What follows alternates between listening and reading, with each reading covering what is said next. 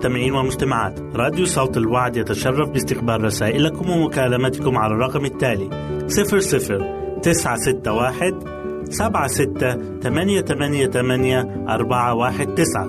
نشكركم ونتمنى التواصل معكم. والسلام علينا وعليكم.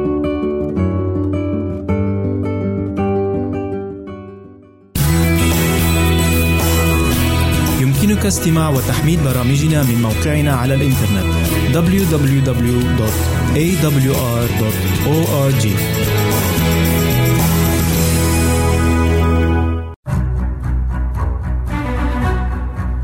أعزائي المستمعين والمستمعات تتشرف راديو صوت الوعد باستقبال أي مقترحات أو استفسارات عبر البريد الإلكتروني التالي راديو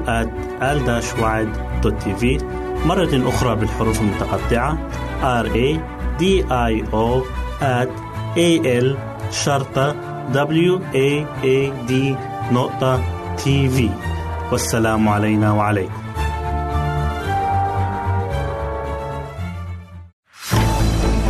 أعزائي المستمعين والمستمعات راديو صوت الوعد لا يكتفي بخدمتكم عبر الموجات الصوتية فقط بل وإنه يطرح لكم موقعا إلكترونيا يمكنكم من خلاله مشاهدة أجمل البرامج الدينية الثقافية الاجتماعية وغيرها من المواضيع الشيقة.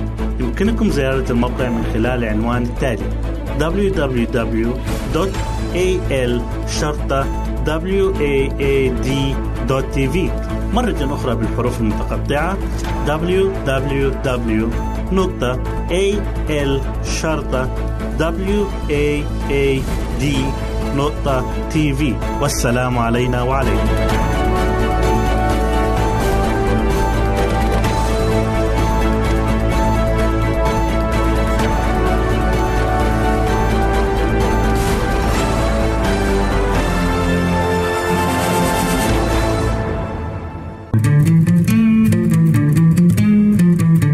أنتم تستمعون إلى إذاعة صوت الوعي.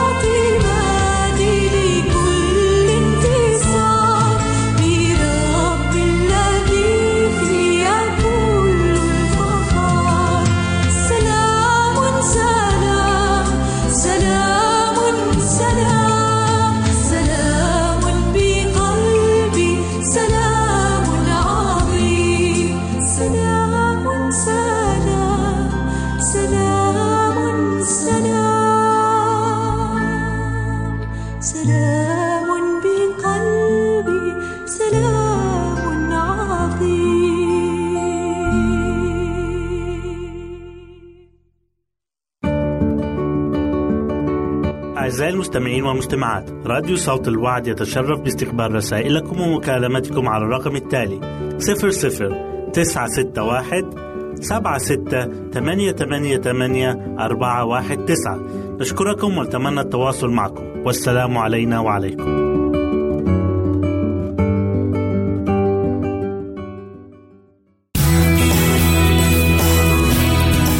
استماع وتحميل برامجنا من موقعنا على الإنترنت www.awr.org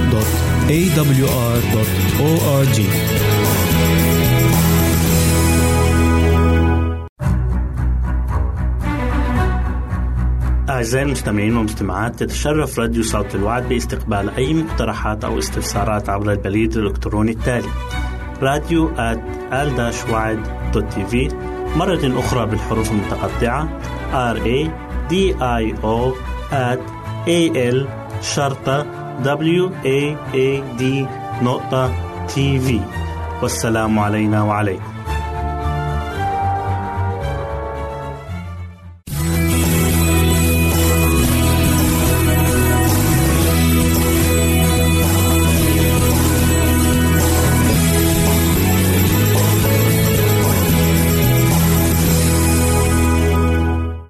وسهلا بكم مستمعينا الكرام في كل مكان يسعدني أن أقدم لكم برنامج من هنا وهناك والذي يتضمن الفقرات التالية كيف تغسل كليتيك بنفسك؟ هل تعلم؟ الشعير وفوائده الصحية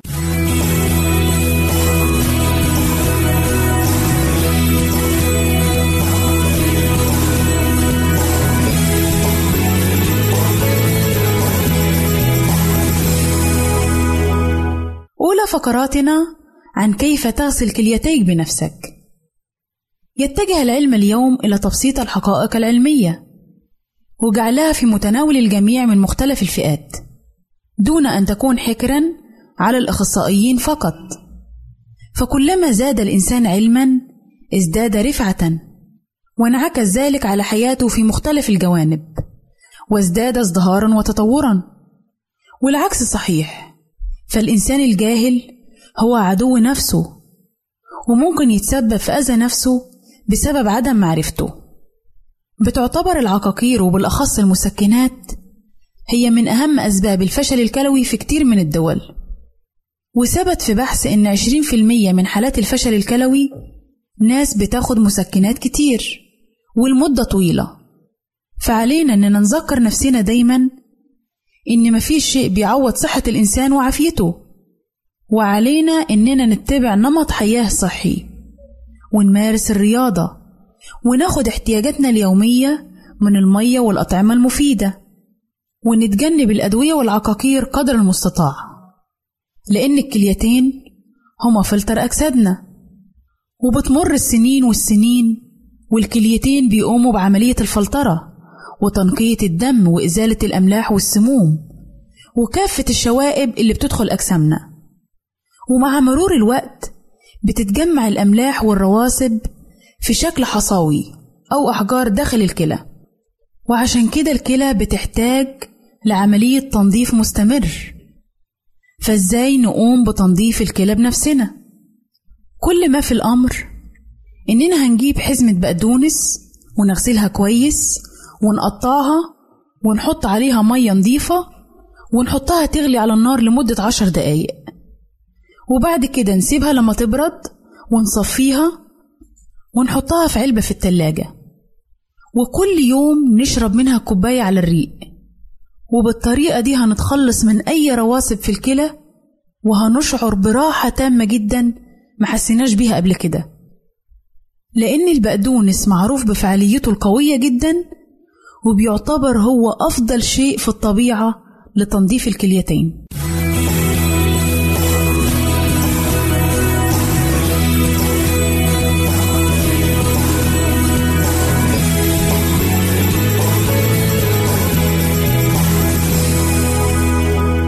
أهلا وسهلا بكم مجددا أعزائي المستمعين إليكم فقرتنا الثانية وهي بعنوان هل تعلم؟ هل تعلم أن الحب لا يؤثر فقط في الحالة المزاجية أو النفسية للإنسان ولكنه يؤثر على الحالة الجسدية العامة لأن الحالة النفسية تنعكس دائما وأبدا على الصحة العامة الجسدية للإنسان هل تعلم أن الحب يجعل البشرة أكثر نضارة؟ هل تعلم أن الرياضة الصباحية تساعد الإنسان على النوم الطويل المتواصل طوال الليل؟ هل تعلم أن الرياضة في الصباح مدة لا تقل عن عشرة دقائق تعادل خمسين دقيقة من الرياضة المسائية؟ هل تعلم أن النعناع يعتبر من النباتات التي تستخدم لتقوية اللثة والتخلص من الغازات وتقليل آلام المعدة؟ هل تعلم أن نبات الريحان يحتوي على مجموعة من الزيوت التي تستخدم لعلاج آلام المفاصل والتهاب الأمعاء؟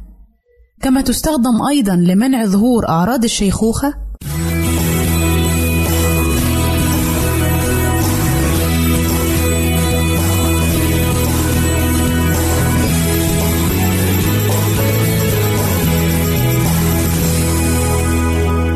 أهلا وسهلا بكم مجددا أعزائي المستمعين إليكم فقرتنا الثالثة والأخيرة والتي نتكلم فيها عن الشعير وفوائده الصحية الشعير من أشهر الحبوب الغذائية والمنتجات المتداولة في حياتنا اليومية ومتوفر في كل مكان ويسهل الحصول عليه وله الكثير من الفوائد والاستخدامات وكمان مصدر غني بالألياف الغذائية التي لها فوائد كثيرة.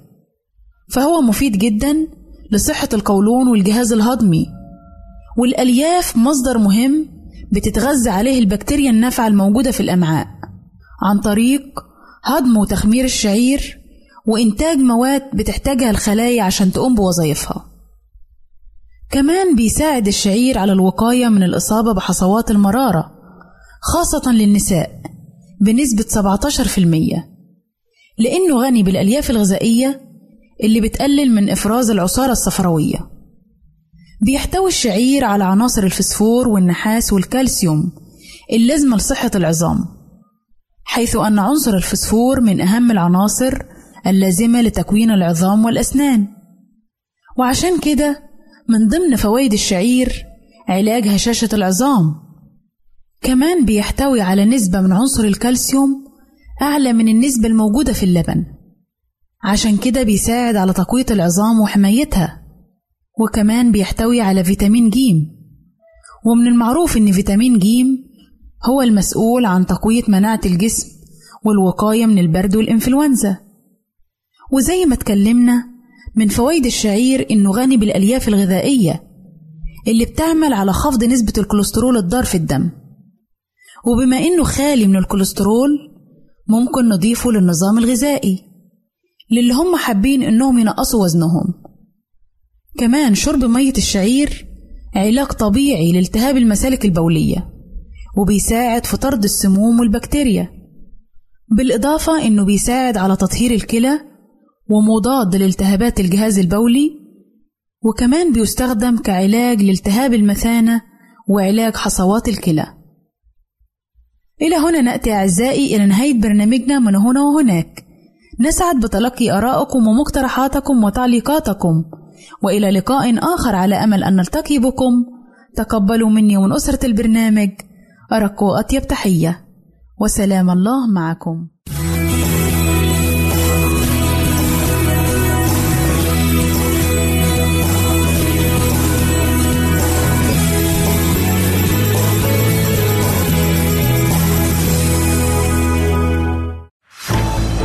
أعزائي المستمعين والمستمعات راديو صوت الوعد لا يكتفي بخدمتكم عبر الموجات الصوتية فقط بل وإنه يطرح لكم موقعا إلكترونيا يمكنكم من خلاله مشاهدة أجمل البرامج الدينية الثقافية الاجتماعية وغيرها من المواضيع الشيقة.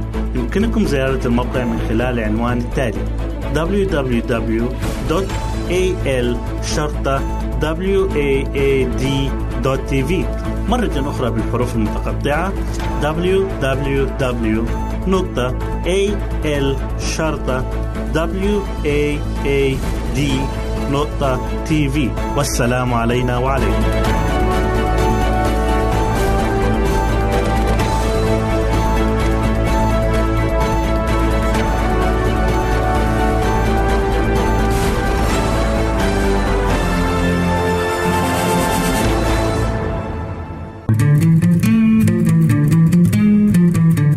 أنتم تستمعون إلى إذاعة صوت الوعد.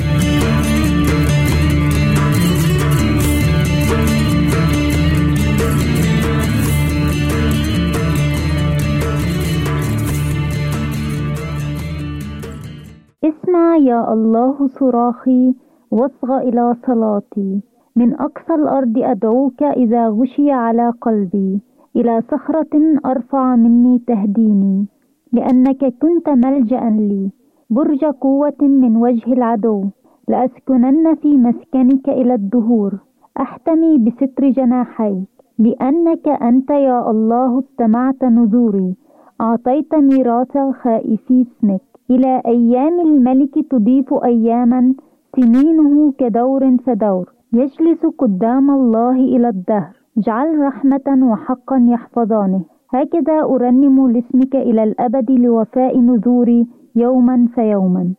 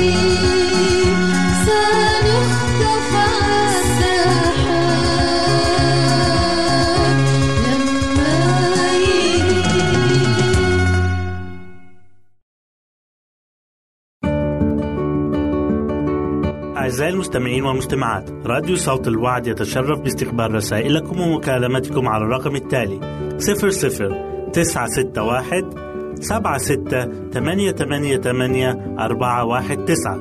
نشكركم ونتمنى التواصل معكم. والسلام علينا وعليكم.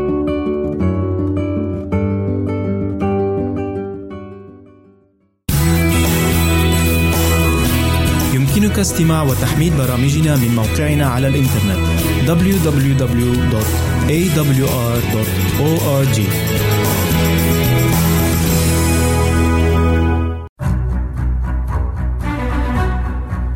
أعزائي المستمعين والمستمعات تتشرف راديو صوت الوعد باستقبال أي مقترحات أو استفسارات عبر البريد الإلكتروني التالي راديو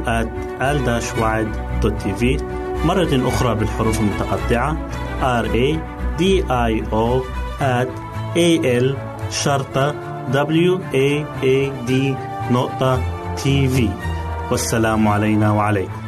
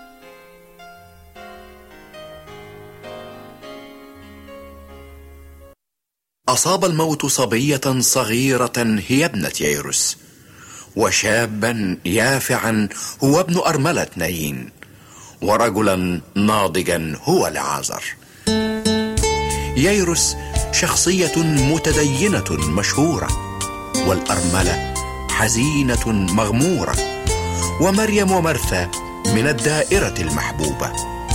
لكن لا بد لشمس الحياة أن تختفي. ولقصة العمر أن تنتهي ولصفحة الإنسان أن تنطوي. لذا أرجو رب الحياة أن يخرج من القبر نفسك وأن يسير معك دربك وأن يضمن لك أبديتك. نعم لكل عملة وجهان فكما أن الخطية والموت توأمان هكذا الخلاص والقيامة متلازمان.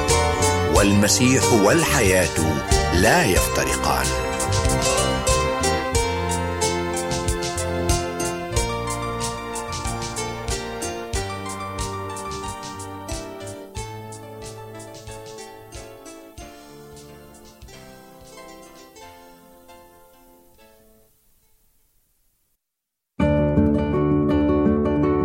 أعزائي المستمعين والمستمعات راديو صوت الوعد يتشرف باستقبال رسائلكم ومكالمتكم على الرقم التالي 00 961 سبعة ستة ثمانية ثمانية ثمانية أربعة واحد تسعة. نشكركم ونتمنى التواصل معكم. والسلام علينا وعليكم.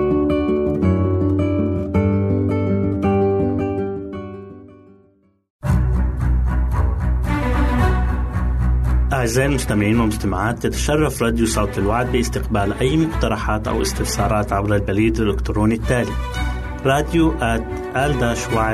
TV مرة أخرى بالحروف المتقطعة R A D I O at A L شرطة W A A D نقطة TV والسلام علينا وعليكم.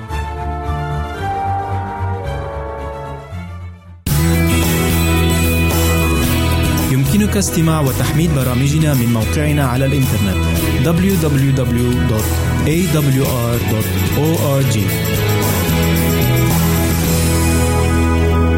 مرحبا بكم مستمعينا الكرام في لقاء جديد من برنامجكم الأسبوعي من واقع الحياة. قصتنا لهذا اليوم تحمل عنوان رعب في تكساس. رافقونا أحبائي إلى نهاية هذه الحلقة لنرى ما هي الحكاية. كان يبدو رجلا لطيفا أراد أن يقدم المساعدة.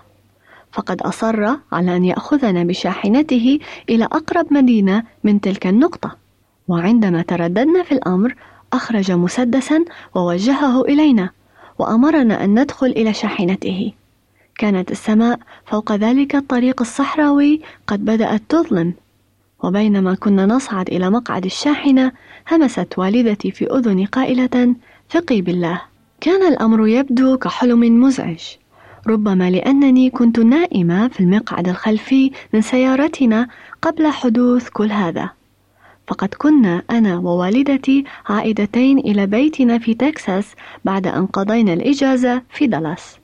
وعندما استيقظت علمت أن السيارة قد توقفت.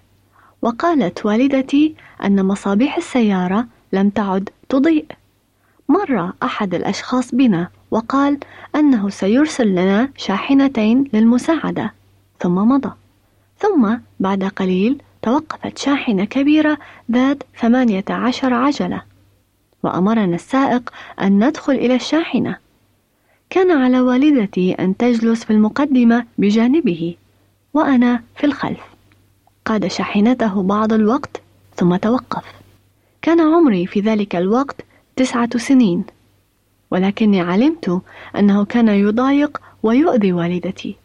وبينما كنت مستلقية في الظلام أردت أن أصرخ ولكني أيقنت أن لا أحد يستطيع سماعي. فأغمضت عيني بكل قوتي وابتدأت أصلي. وعندما عاد إلى قيادة الشاحنة ابتدأت بالبكاء بدموع فقط. وكنت أعلم أنه سيتوقف عن قريب ويطلق سراحنا. ولكنه استمر بالقيادة لمدة أربع ساعات أخرى. وسمعت والدتي تتوسل به كي يطلقنا قائلة نعدك أننا لن نخبر أحدا وبإمكانك أن تذهب حيث تشاء. أجاب بغضب شديد اسكتي سوف أجد المكان المناسب. وعندما ألحت والدتي عليه أسكتها بقوله إذا أردتني أن لا أؤذي ابنتك فاغلقي فمك. وأخيرا ضغط على الفرامل الهوائية مستعدا للتوقف. وأمرنا أن نخرج بسرعة من الشاحنة إلى الصحراء. لقد استطعت أن أميز لحيته الكثيفة وشعره الداكن من خلال ضوء الشاحنة الخافت بينما كنا نغادر الشاحنة. كان رجلا ضخما ويرتدي فانيلا من نسيج مربع وكانت الأزرار غير مغلقة. وكان هذا كل ما استطعت أن أشاهده قبل أن يغلق باب الشاحنة لنبقى في ظلام دامس ثانية. وبعيدا عن الطريق كنت أسير متعثرة بالشجيرات الصغيرة والأشواك المتبعثرة التي كانت منتشرة على رمال الصحراء الناعمة. وأتذكر أننا تجاوزنا حطام بعض سكك الحديد إلى أن وصلنا إلى سياج من الأسلاك الشائكة. كنت أتبع خطوات والدتي متلمسة الطريق وأنا أتساءل إلى أين نحن ذاهبتان؟ لم يكن هناك أي ضوء في أي مكان ولكني كنت خائفة من أن أقول حتى كلمة واحدة. وكنت دائما أتذكر كلام والدتي أن علي أن أثق بالله عندما أكون خائفة.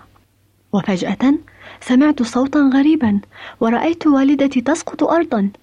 وبعد لحظات أصبت أنا أيضا بعيار ناري وسقطت فاقدة الوعي. وابتعد خاطفنا عن المكان معتقدا أننا سنموت قبل أن يجدنا أي شخص. بالرغم من عدم معرفتنا آنذاك فقد أصيبت والدتي في رقبتها وأنا أصبت برصاصتين في ظهري. وبأعجوبة استعادت والدتي وعيها بعد أن ابتعدت الشاحنة عنا.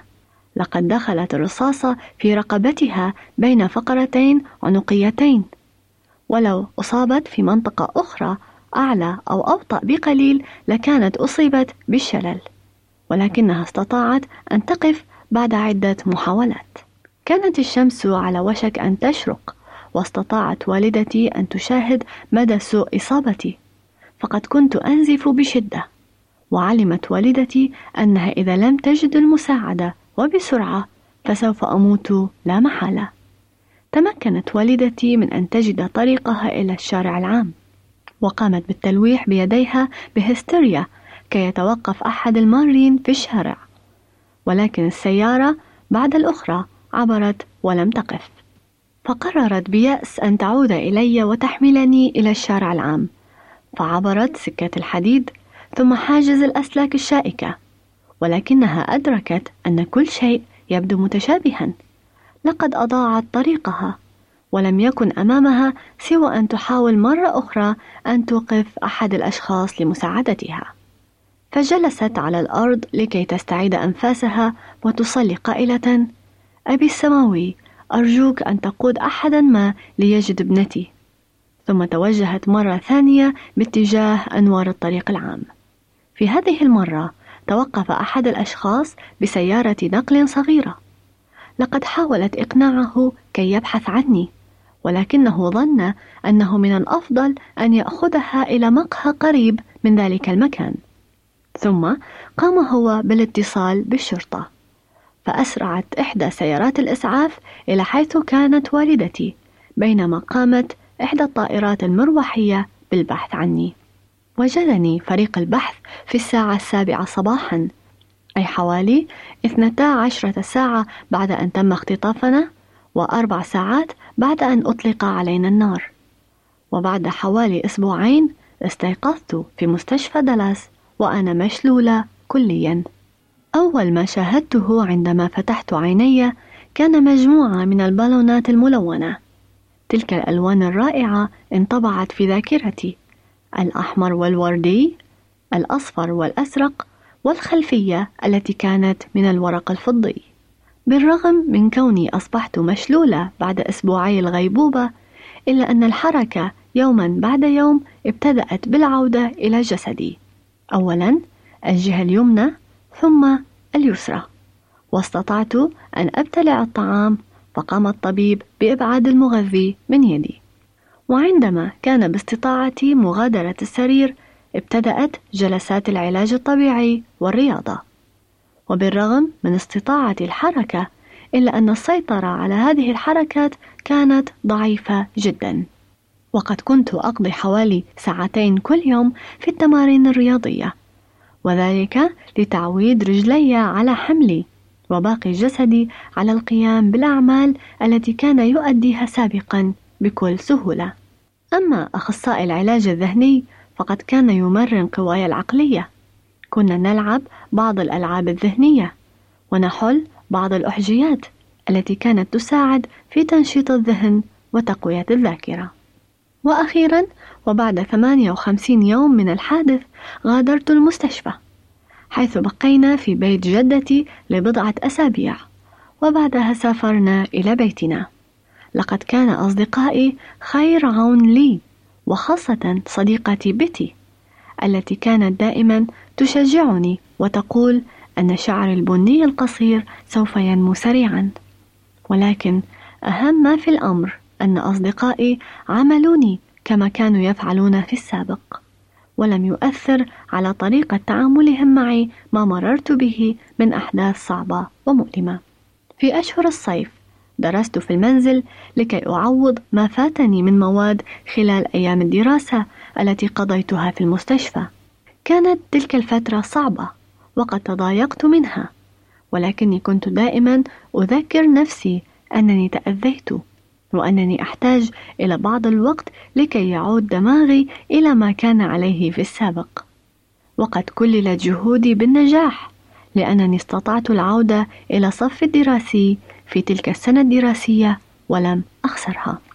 إن الذي حدث لي جعلني أنضج أسرع مما لو كنت لم أتعرض لهذا الحادث، كما أنني أصبحت أكثر تقديرا للحياة، وأحيانا حين أتذكر ذلك الرجل الذي فعل تلك الأشياء السيئة لنا، أتمنى أن أسأله ولكن من مسافة بعيدة، لماذا؟ لماذا فعلت هذا لأناس لم يفعلوا شيئا سيئا لك؟ لكن الآن أنا سعيدة لأن بمقدوري مسامحته على ما فعله لي. وأتمنى أن تساعد قصتي هذه الأشخاص الذين تعرضوا لظروف صعبة وأوقات عصيبة. وأنا اليوم على قيد الحياة لأشهد أنك عزيزي. إذا وضعت إيمانك وثقتك بالله فإنه سيخلصك. في أشعياء الأصحاح التاسع والأربعين والآيتين الخامسة عشرة والسادسة عشرة نجد هذه الكلمات الرائعة التي نطق بها الرب. هل تنسى المرأة رضيعها؟ فلا ترحم ابن بطنها. حتى هؤلاء ينسينا وأنا لا أنساك. هو ذا على كفي نقشتك. فهل هناك أجمل من هذه الكلمات المعزية؟ إن الرب يهتم ويعتني بكل واحد منا. وواجبنا هو أن نؤمن بقدرته ونثق به لأنه يجري.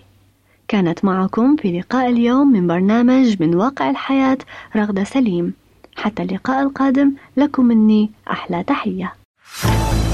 أعزائي المستمعين والمستمعات راديو صوت الوعد لا يكتفي بخدمتكم عبر الموجات الصوتية فقط بل وإنه يطرح لكم موقعا إلكترونيا يمكنكم من خلاله مشاهدة أجمل البرامج الدينية الثقافية الاجتماعية وغيرها من المواضيع الشيقة.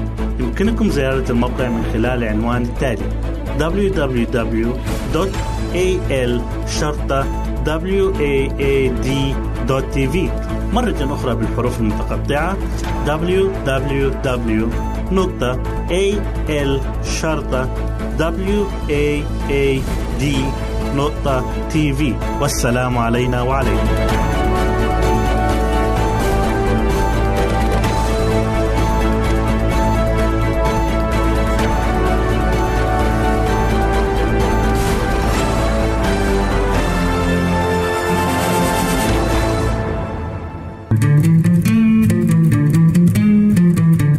أنتم تستمعون إلى إذاعة صوت الوعد.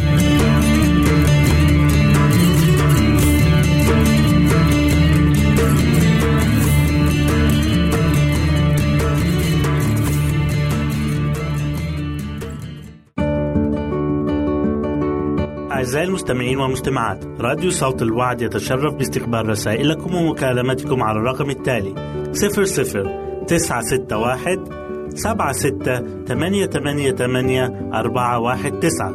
نشكركم ونتمنى التواصل معكم. والسلام علينا وعليكم.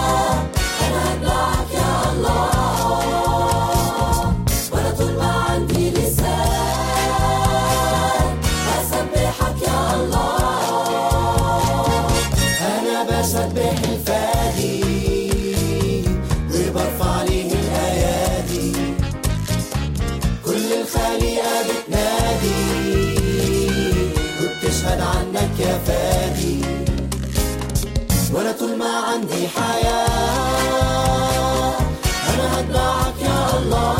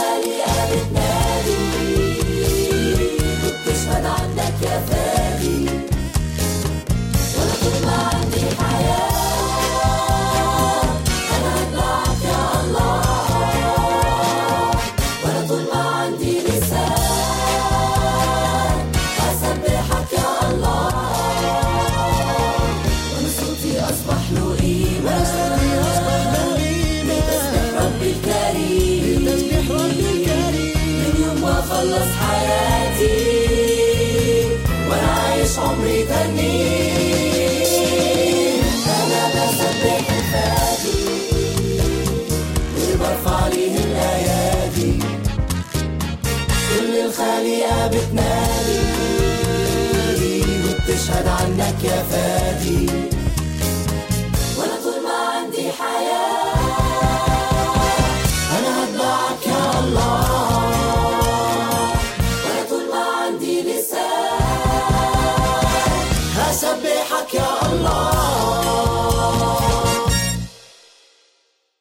الخوف وأنواعه. عرف يسوع أن الإنسان ضعيف وهو معرض للخوف في أي وقت. كونوا معنا. لي حفيد بلغ الثامن عشر من العمر ولكنه ما زال يخاف أن ينام وحده في الغرفة وخصوصا في الليل. قد نتساءل هل الأمر طبيعي وما العمل في هكذا حال؟ إن الخوف هو مرض كغيره من الأمراض إلا أنه لا يحدث بسبب جرثومة أو مخلوق طفيلي كغيره من الأمراض. بل الخوف يرجع إلى عامل نفسي أو حادث تعرض له الإنسان في فترة من فترات حياته. الخوف هو انفعال عنيف يصيب الإنسان لسبب ما وقد يكون هذا السبب حقيقيا أو وهميا فيشكل متى كان شديدا وقد يذهب ويجمد حركته وتأثيره كبير على الجسم. فيشله متى كان شديدا وقد يذهله ويجمد حركته وتأثيره كبير على الجسم. فنقول تملكه الخوف ارتعدت فرائضه من الفزع شعر بدنه من الهلع. قد يكون الخوف من النار أو قد يكون الخوف من الظلام.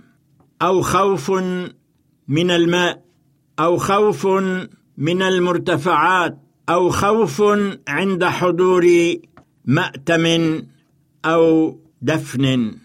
وخوف النار هو الخوف من كل نار مضطرمة فلا يقترب منها ويخشى حتى إشعال عود الكبريت حيث يشعر برعشة وخوف أمام كل نار مشتعلة وقد يكون السبب في ذلك هو حادث أو عارض مر به الإنسان فأصيب بحروق وقد تكون حروق كبيرة أو حتى صغيرة أو قد يكون السبب عائدا إلى طفولة الإنسان حيث كان أهله يخيفونه بعود الكبريت. أو إيه نار مشتعلة أخرى.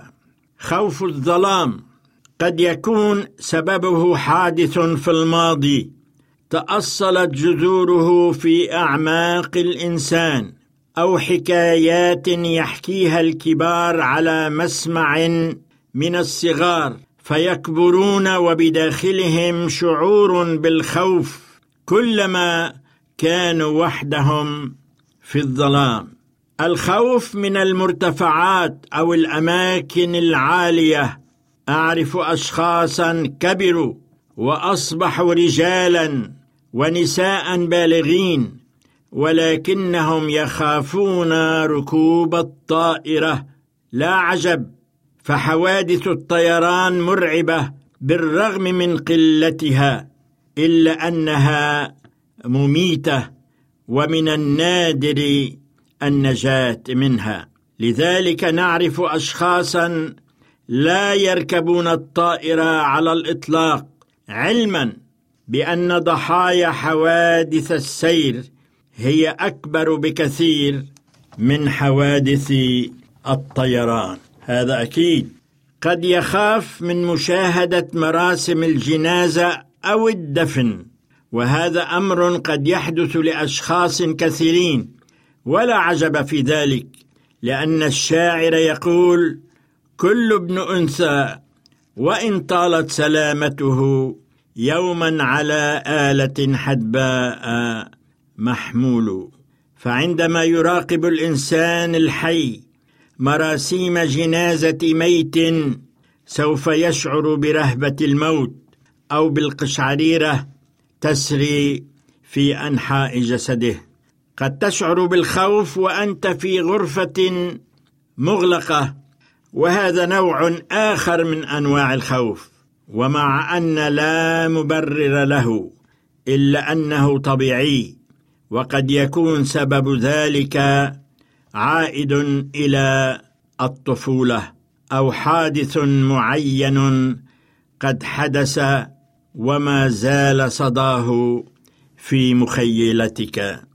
الخوف أمر طبيعي الموت مرعب ومخيف والإنسان لم يخلق ليموت ولكن الموت أتى إلى الإنسان بسبب الخطية لأن أجرة الخطية هي موت. صحيح أن الموت مرعب ومخيف ولكن ما هو مرعب ومخيف أكثر هو الموت أو أن نموت ونحن خطاة دون أن نعترف بخطايانا. فالآية صريحة والمؤمن يقول أين شوكتك يا موت؟ أين غلبتك يا هاوية؟ فلا نخاف من الموت الأول بل الموت الثاني وهذا هو الموت المخيف. فعسى أن لا يكون للموت الثاني نصيب في حياتنا. فعندما نكون مع يسوع لن نخاف النار. ولا الماء ولا المرتفعات ولا المدافع ولا الأسود ولا حتى أتون النار. لأن الذي أنقذ دانيال من جب الأسود والفتيان الثلاثة من أتون النار سوف ينقذنا. كان معكم شحاد الحلبي.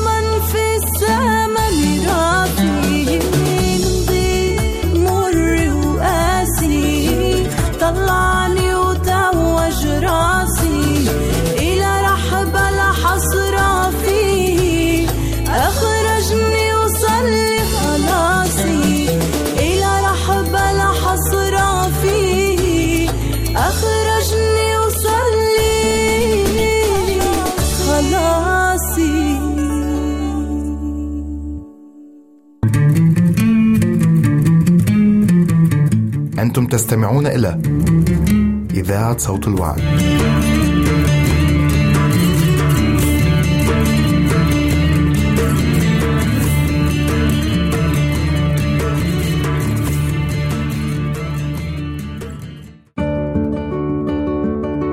أعزائي المستمعين والمستمعات راديو صوت الوعد يتشرف باستقبال رسائلكم ومكالمتكم على الرقم التالي 00 961 سبعة ستة ثمانية ثمانية ثمانية أربعة واحد تسعة نشكركم ونتمنى التواصل معكم والسلام علينا وعليكم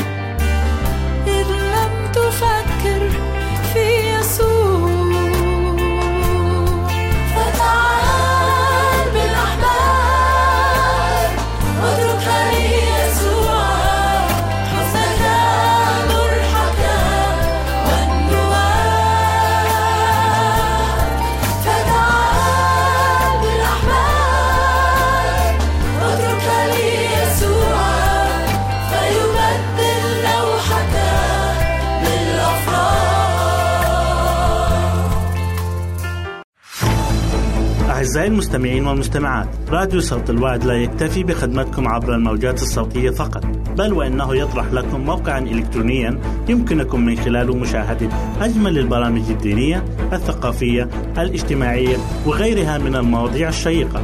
يمكنكم زيارة الموقع من خلال العنوان التالي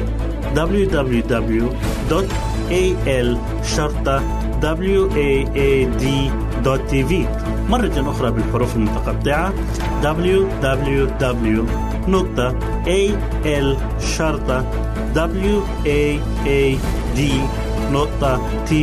والسلام علينا وعليكم